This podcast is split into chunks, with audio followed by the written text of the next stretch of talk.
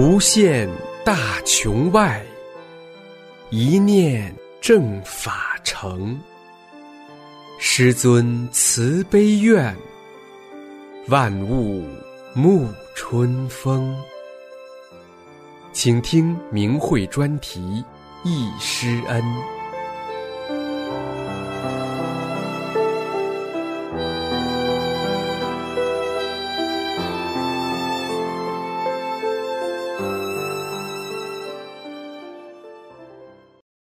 请听明慧忆师恩专题文章，题目是《十七年前的珍贵回忆》。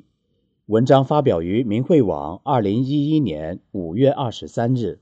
作者：大陆法轮功学员。我是一九九四年开始修炼法轮功，曾三次参加慈悲伟大的师尊李洪志师傅的讲法面授班。当时的那一幕幕历久弥新，尤其是十七年前。我第一次参加师傅在石家庄的讲法传功班的情景，更是历历在目。我是一位国企职员，今年五十六岁了。因修炼法轮大法，使我看上去像四十岁。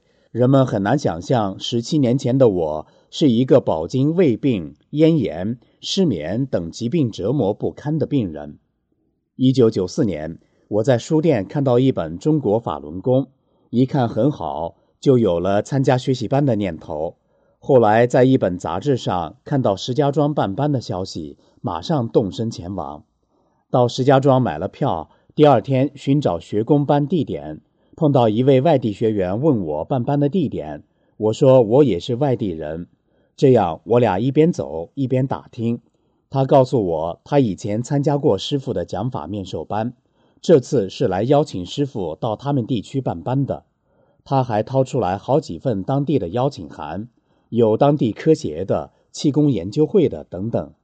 我们在各自打听地点时，我不经意中一回头，看到这位外地学员正和一位身材高大魁梧的人在谈话。我直觉这一定是师傅，马上回来问：“正是。”赶紧和师傅握手。我当时心情非常激动。师傅穿的是咖啡色夹克。那么平易近人，可亲可敬。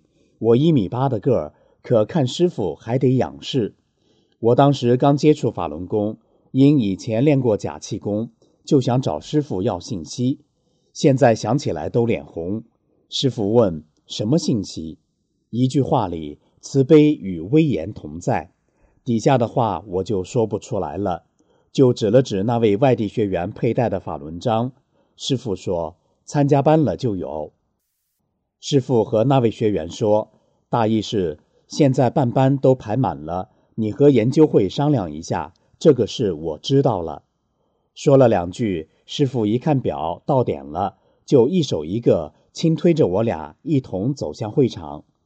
到门口，好几位等候的工作人员迎过来，一下把我俩拨拉到一边去了。那时候参加班的人太多。想和师傅待一会儿，根本没机会。现在回忆起来，那是多么珍贵、难忘的一刻，时至今日仍历历在目。我听了师傅在石家庄传功讲法班第一天，觉得这个法太好了。我步行一个多小时到旅馆，一点没累，走路轻飘飘的，真舒服。这一对比，才知道大法太神奇了，心情激动的难以言表。第二天就给家乡的朋友打电话，让他们买下一个班的票，快来参加天津的班。我印象最深的还有件事：第一天办班，有位学员离我坐得很近，他拿了一个录音机，想把师傅的讲法录下来。我当时也想让他帮我复制一份。第二天师傅开课时就谈到，不允许学员私自录音，说你会录不上的。这位学员还录。回家一放没录上，到班上来跟我讲：“快快静静的听，别录了，不行。”这一下他警醒了，明白了修炼的严肃性。从中我也见证了大法的超常。师傅说的每句话都是真实不虚的。石家庄学习班结束后，师傅让每个人写心得体会，还让学员上讲台上发言。当时我鼓了半天勇气，还是没好意思上去。现在想起来挺遗憾的，只记得我写的最后一句话是：“参加这个班是三生有幸。师傅处处为学员们考虑。办班结束时，学员和师傅照相，请了一个照相馆的人，要价很高。师傅不同意，说太贵，问学员里有没有会照相的。后来有人给师傅报价，最后找了一个要价最低的。那次班是六百多人，师傅给我们排上号，五十个人一组。我记得师傅总是微低着头在招呼照顾大家。还记得当时旁边一位参加完北京班。又来参加石家庄班的老学员，手指着刚从我身边走过去的一位三十多岁的女学员说：“这位学员以前在床上躺了好几年，是师傅救了她，让她恢复了健康。她参加了多个班了。”我当时印象挺深，看到这位女学员精神十足，走路跟风似的，特别快，在忙着会场的工作。后来我看到师傅和一个军官在那站着说话，心想这办完班也看不到师傅了，得留点纪念啊，就拿着书到师傅跟前说：“师傅留个纪念，签个字吧。”师傅拿起来说：“这上有我的签字了。”我说：“师傅再给签一个吧。”师傅一手托着书又签了一回。我这一开头，后面呼啦一下。学员都上来要师傅签字，师傅耐心的给大家签。人太多了，那位军官叫大家不要签了。现在想起我给师傅找了多大麻烦啊！要是现在叫我签，我也不签了。那时就是悟性低，到现在我还珍惜保留着这本书呢，觉得特别珍贵。那是最早发行的一本大法书，黄皮儿的。师傅讲的法太好了。听完了总也听不够，所以大家就总想跟班。那次石家庄班是三月三日到三月十日，紧接着下一个班就是天津班，学员都想去，但是很多人没买上票。师傅说没买上票的就不要去了，已经满员了。后来我又听见师傅说了句：“可以换个大点的吗？”意思是天津那边换个大点的会场。可是天津那边还是没换，天津班我就没去成。后来我又参加了济南和广州的班，见证了很多超常神奇的事。我看易师恩里很多同修都写出来了。记得最后一次广州办班，我有票，我单位还有一些人想去，但是没有票了。当地的气功研究会发出通知，叫外地没有票的不要去了。可我单位的人执意要去，没有票站着听都行。就这样，他们坐了两天一夜的火车赶到广州。一打听，事情有了变化，外地没有票的学员都被安排在会场当中主席台前的空地上。回来后，他们跟我炫耀：“哈，我离师傅最近了。”学员想得法的心那么迫切，真的是两两相继而来。今天回忆起师傅当年在大陆传法办班，非常辛苦。据我所知，那时我们当地机构拿着邀请函请师傅来讲法办班，请了好几次都排不上号。师傅在当时受欢迎程度可想而知。如果没有发生这场迫害，大陆会有更多的人得法受益。而中共对法轮功的迫害，真正受害的是被谎言蒙蔽的民众。失去了真正了解大法的机缘，而我们已经得了法的法轮功学员，无论是当年参加班见过师傅的，还是没见过师傅的，都真切地体会到大法的美好与超常。我相信不久的将来，我们会跟师傅堂堂正正的再度相见的。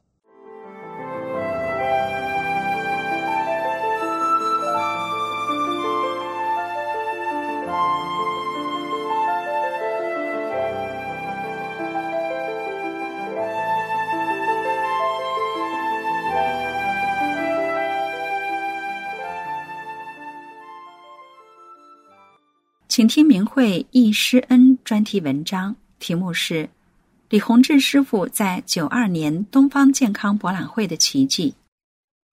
作者：大陆大法弟子。文章发表于明慧网，二零一零年五月十八日。一九九二年的十二月，在北京国贸大厦举办了每天从早上八点开始到下午四点结束的为期十天的东方健康博览会。博览会的大厅很大，摆着一排排一米左右的摊位，基本上是以气功为主，只有少量的中医。中医们都是师傅讲的那样趴在桌子上睡觉。在法轮功的摊位前，李洪志师傅带着几个早期的弟子给前来咨询的人调理身体，其他人有分发法轮功简介的。有咨询登记的，摊位前的电视机播放着师傅的教功录影，摊位的三面墙上挂着师傅的练功照片、师傅给人调理身体的照片，还有法轮旗等。有一天，一位中年妇女在丈夫的搀扶下来到了师傅跟前。这位中年妇女肚中有瘤子，腹部比十月怀胎的孕妇的肚子还大，医院无法治疗。因此，他们来到博览会，找到了师傅。师傅当即给他调理，没有多长时间，感觉也就十几、二十来分钟的样子。当时没戴表，眼看着师傅的手做着伸进去抓出来的动作，他的肚子一下子就瘪了，恢复了正常。穿的裤子的裤腰，这时可以装进去两个他。当时周围围观的人就像木头人一样，没有反应。静静的，等人们反应过来后，突然爆发出雷鸣般的长时间的热烈掌声，引得很多摊位前的人都纷纷过来询问发生了什么事情。病人夫妻激动的当即给师傅跪下叩谢，师傅俯身伸出双手把他们搀扶了起来。夫妻俩当时就写了一封感谢信送到了大会组委会。博览会总指挥李如松先生在广播中宣读了这封感谢信，并说，在博览会上收到的第一封表扬信便是赞扬法轮功的，收到表扬信最多的也是法轮功。博览会总顾问江学贵教授也说：“我亲眼看到李洪志老师为这次博览会创造了很多奇迹，法轮功不愧为这个博览会中的明星公派。”我作为博览会的总顾问，负责任的向大家推荐法轮功。法轮功治病的神奇效果迅速传播开来，并且越传越广，慕名而来的人也越来越多。有一天，已经临近下午结束的时间，大家正在做着结束前的清诊工作。这时，一个很壮实的二十多岁的小伙子背着一个也很壮实的妇女来到了摊位前，想要治病。负责登记的解释说：“马上就要到关门的时间了，今天的咨询已经结束了，师傅也治疗了很多病人，也很劳累了，明天再来吧。”但是不管怎么解释、怎么说，病人就是不肯离去。师傅听到摊位前乱哄哄的，过来问有什么事情，问明了情况，立即就给这位女士治疗。这位女士是因为坐公交车急刹车摔倒在车上。造成双下肢瘫痪，医院治不了，只好在家里养着。家离博览会不远，也是听说法轮功的神奇后慕名而来。师傅在摊位中给他调理，因为地方小，围观的人又多，都想看清楚师傅怎么给他治疗，所以不知不觉的治疗场地被人们越围越小。几个弟子也不得不多次让大家往外退一退，让出地方来。这位女士在女性里面算是那种比较高大、壮实、比较胖的类型。师傅在给她治疗过程中，一会儿把她背靠背，背在自己的身上，并同时向前弯腰，他就等于是躺在师傅的背上，身体舒展开来。师傅一会儿又把他背靠胸前，抱在自己的怀里，同时师傅向后弯腰，他又等于是躺在师傅的身上。使身体舒展开，师傅又扶他坐在椅子上，从头上开始往下拍，一直拍到脚。师傅的姿势也有开始的站着，然后俯下身来，直到最后蹲下。师傅的头上也冒出了汗珠，当时看得我心里一个劲儿的，只想快点结束，让师傅赶紧休息休息吧。师傅已经辛苦了一整天了。大概半个小时左右的时间吧，师傅让他从椅子上站起来，他就站起来了；让他走，他就迈开了瘫痪后的第一步。最后师傅让他跑，他就跑起来了。围观的众人也都激动的鼓起掌来，纷纷议论着自己亲眼所见的法轮功的神迹。这位女士在师傅给她治疗的过程当中，不但身体得到了康复，同时师傅还给她打开了天幕，激动地跪在师傅的面前，放声大哭，泣不成声，当当的一个劲儿地给师傅磕着响头，感谢师傅。周围的人也流下了眼泪。从这以后，一直到博览会结束之前，这位女士每天都在法轮功的摊位前，向前来咨询的人们讲述着自己亲身的神奇经历。慕名前来的人们也越来越多，有来治病的，但更多的人是纷纷询问在哪里可以学到法轮功，什么时候有讲课。越来越多的人都期盼着能够学到法轮功。最后，在博览会临结束之前。师傅满足了大家迫切学功的心情，亲自写下了北京第六期法轮功学习班的办班通知。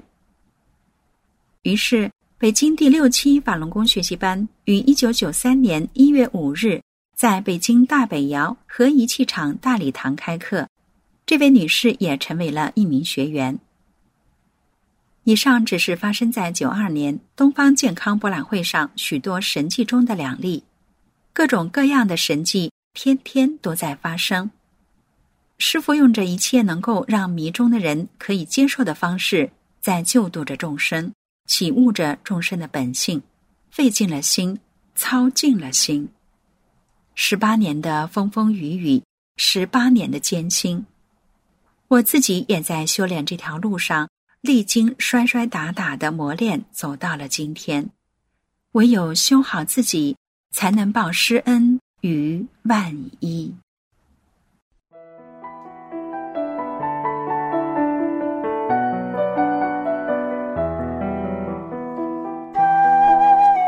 您现在收听的是明慧专题《易师恩》。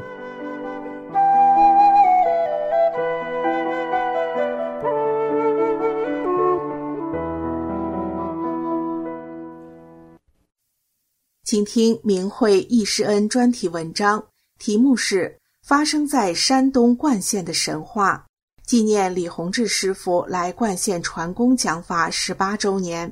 作者：山东聊城大法弟子。文章发表于明慧网，二零一零年十一月十五号。我在得法之前，曾听人讲过发生在山东冠县的一个神奇故事。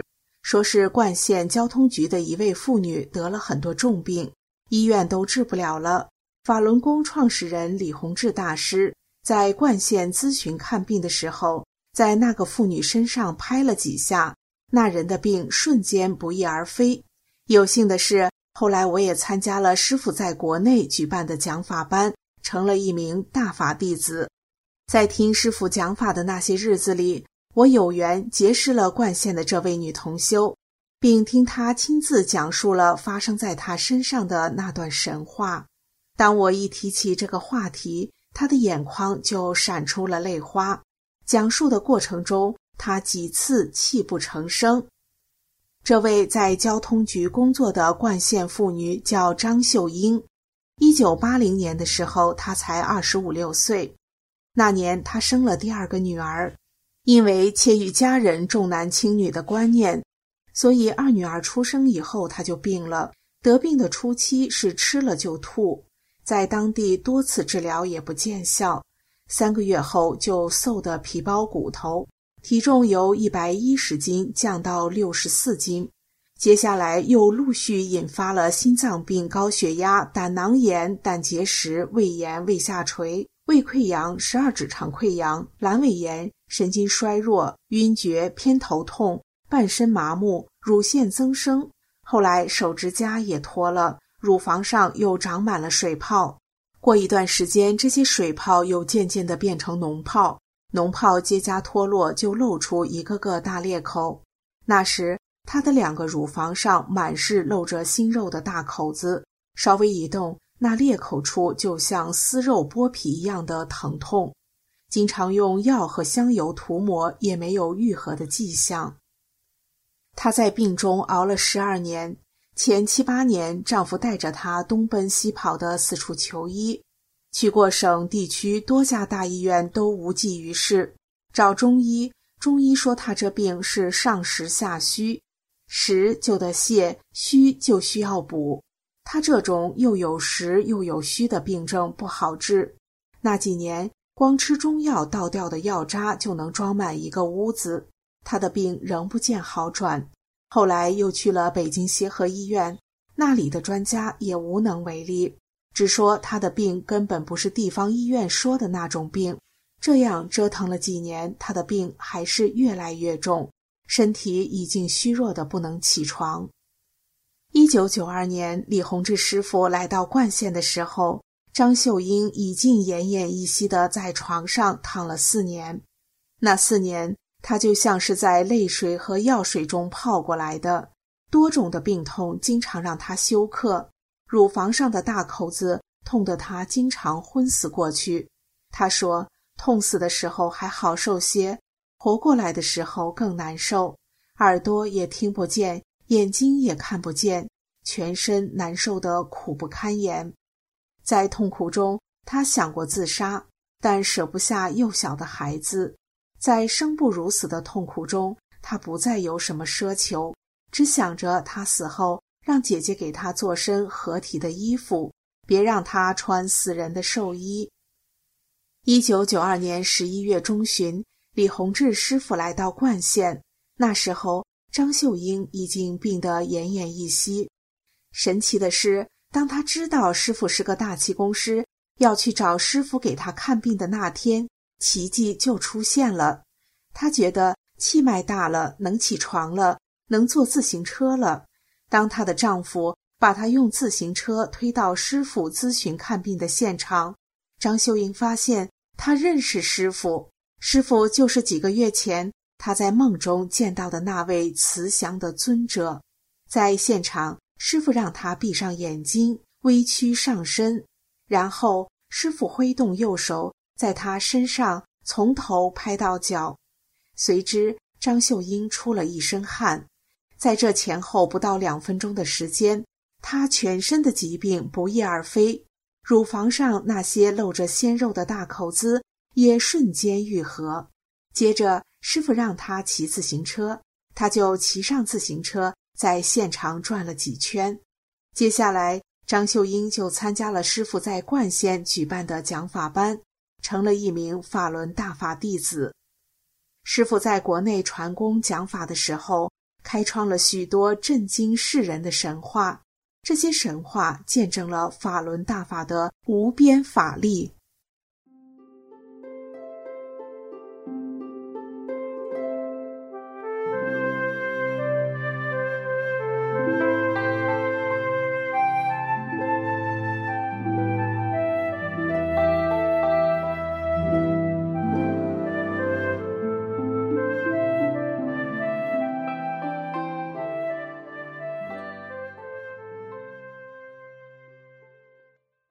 请听明慧易师恩专题文章，回忆参加李洪志师傅讲法班，作者黑龙江大法弟子，发表于明慧网，二零一零年八月六日。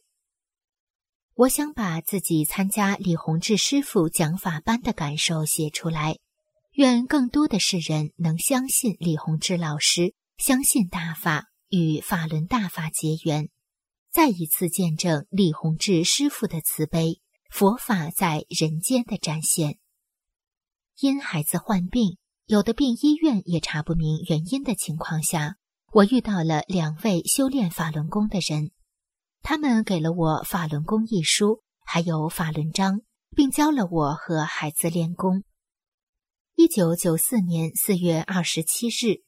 我和孩子一行几十人登上了开往长春的列车，参加李洪志老师在长春举办的第七期讲法学习班，地点在吉林大学礼堂。在听老师讲课时，我让自己静下心，连眼睛都不愿眨一下，不想落下一句话。在修炼法轮功以前，我对气功修炼的事很渺茫，没有这方面概念。可是，一进这个班听老师讲法，我像变了一个人似的，就是想听好听明白。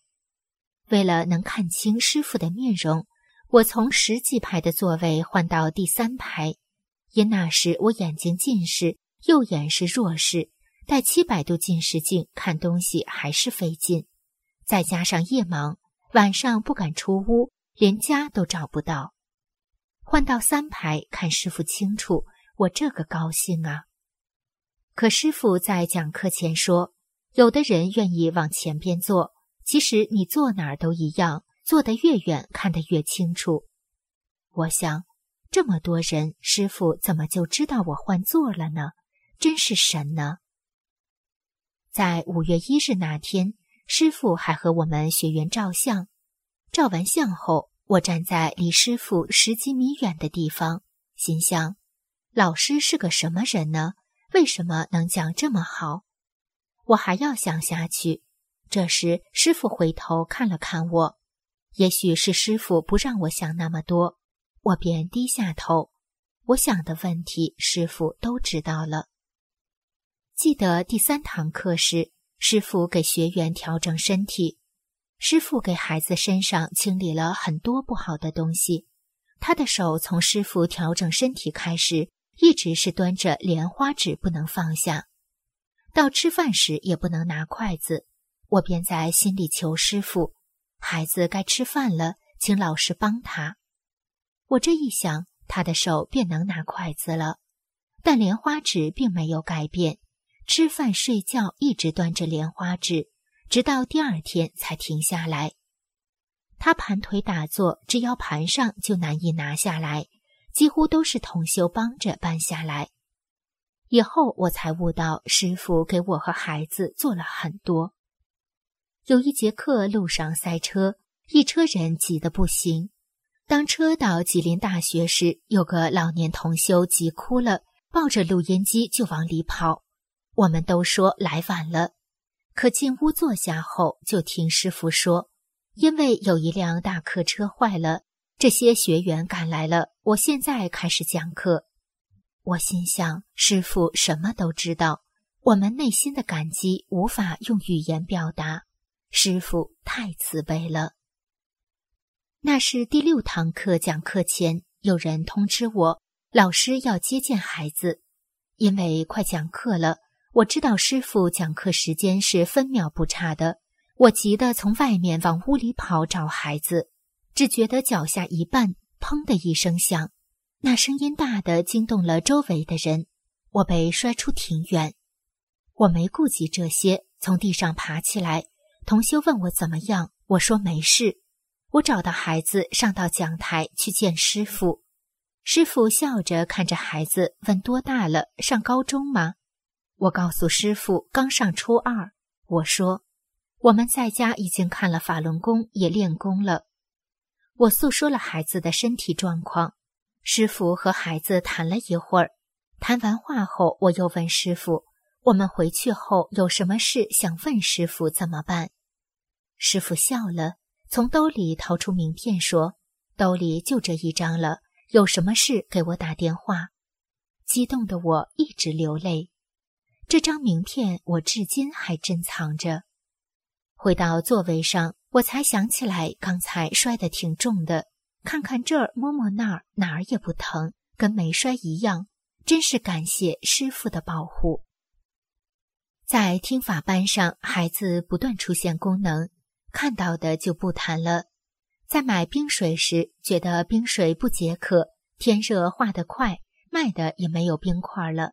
孩子说：“妈，我就想要冰块的。”话刚说完。一会儿，手里的冰水就冻成冰块了。和我一起走的站长说：“不许和别人说，自己知道就行了。”一天早上吃完饭，我们去听课，忽然想到钥匙落在床上，大家回来谁也进不了屋了。孩子说：“你别急，先走吧，我去取。”我说：“门是我锁的，拿不出来。”过一会儿，孩子追上我，把钥匙递给我。我奇怪的问他怎么拿出来的，他说：“别问了，我知道这是师傅给的。”五月的天气早晚很凉，孩子练功只穿一件薄衬衫，还热得不行；在家一身病，再者一身轻。过去我也不怎么相信特异功能，今天我不但看见了，还出现在我的孩子身上，这还有什么质疑的呢？被邪党文化灌输了的大脑，被邪党毒素禁锢多年的思维，在听大法中被师傅清除了，使我信师信法坚定不移。记不清是哪堂课。听完师傅讲法后，我和孩子往出走。出门后，看见师傅被一群学员围着签字。有一个学员急得不行，师傅还没有休息，晚上还有一个班要讲法，你们别签了。可是那些学员也不听，都争着让师傅签字。我抬头看师傅，师傅满脸笑容，也不着急，接了一本又一本。签了一个又一个，着急的那个学员冲我们娘俩说：“我们把手拉起来，拉成一个圈，圈里的签完了，圈外不签了。这样，我们不到十人拉成圈，圈里学员排成队。过了好一会儿，师傅签完才回去休息。又一次，使我感受到了师傅的慈悲苦度，太辛苦了，得了法怎能不珍惜呢？”记得五月八号上午最后一堂课听完后，学员都不肯离去，站在门口看着师傅，直到师傅走远了。有的学员哭了，我也哭了。九堂课下来，世界观都发生改变了。我觉得我一身轻，来时的一包药全扔了，我的思维都发生了变化。我走在人群中，觉得自己和他们相距得很远。已不愿在人中求索，只想一修到底，就修法轮功了。师傅讲完课后，有其他学员通知我孩子跟随师傅走，继续听师傅讲法。孩子到了北京、成都、重庆，一直在师傅身边听法。他回来后和我说，他和师傅在一起吃饭，师傅给他夹菜，有肉的菜，师傅就夹给他吃。在火车上，几个学员知道师傅过生日，要给师傅在餐车上订饭菜。师傅不让，学员说：“那就买些简单的饭菜吧。”师傅还是不让。最后，学员急得要哭了，师傅才同意，只买了一碗泡方便面吃了。孩子说：“师傅总是这样节俭。”师傅还把省下来的钱捐给见义勇为基金会。听说是三万元，这些孩子看在眼里，记在心上。回来后也知道节省，不讲吃穿。我想起孩子说的，在四川时，师傅上山之前告诉他不要离开师傅的指定范围。孩子理解，知道那个地方非常乱。当时孩子天目是开的，又有功能，同时争斗心、显示心也很强。师傅随时都在保护着这个大法小弟子。从长春回到家，丈夫说：“你们走后，有一天家里忽然一道亮光闪过，有两次都是这样。我知道这是师傅在给清理家里的环境。我丈夫的身体在师傅的清理下，过去的严重胃病、血稠、风湿、心脏病都不见了。”整天为病而愁的他，也满脸笑容了，很支持我们学法练功。孩子跟随师傅听法近一个月时间，一些费用都是师傅给拿的。孩子从家走时一身病，挺瘦的，回来时在火车站，我俩都没认出来他，直到他喊爸妈时，我们才认出来。我们都愣了，看着孩子的脸像茶粉一样白。人也长高了，臂前胖了，头发油黑的。回家后，我又发现孩子满身散发着香味，连头发都散发香味。那香味很好闻，所有熟悉的人无不感到惊奇。仅一个月不在家，怎么就变了一个人？我亲眼见证了大法的神奇，世人通过我们身心的变化，也见到了大法的神奇。有人求我请师傅到他家给他治病，多少钱都行。我说我师傅不要钱，也不治病。我师傅是传法救度众生，你就修炼法轮大法吧。这十六年的修炼，使我深刻的体会到伟大师尊的慈悲，佛法在世间的展现，佛恩浩荡无比。精进实修，做好三件事，使师傅多看到一个弟子的成熟。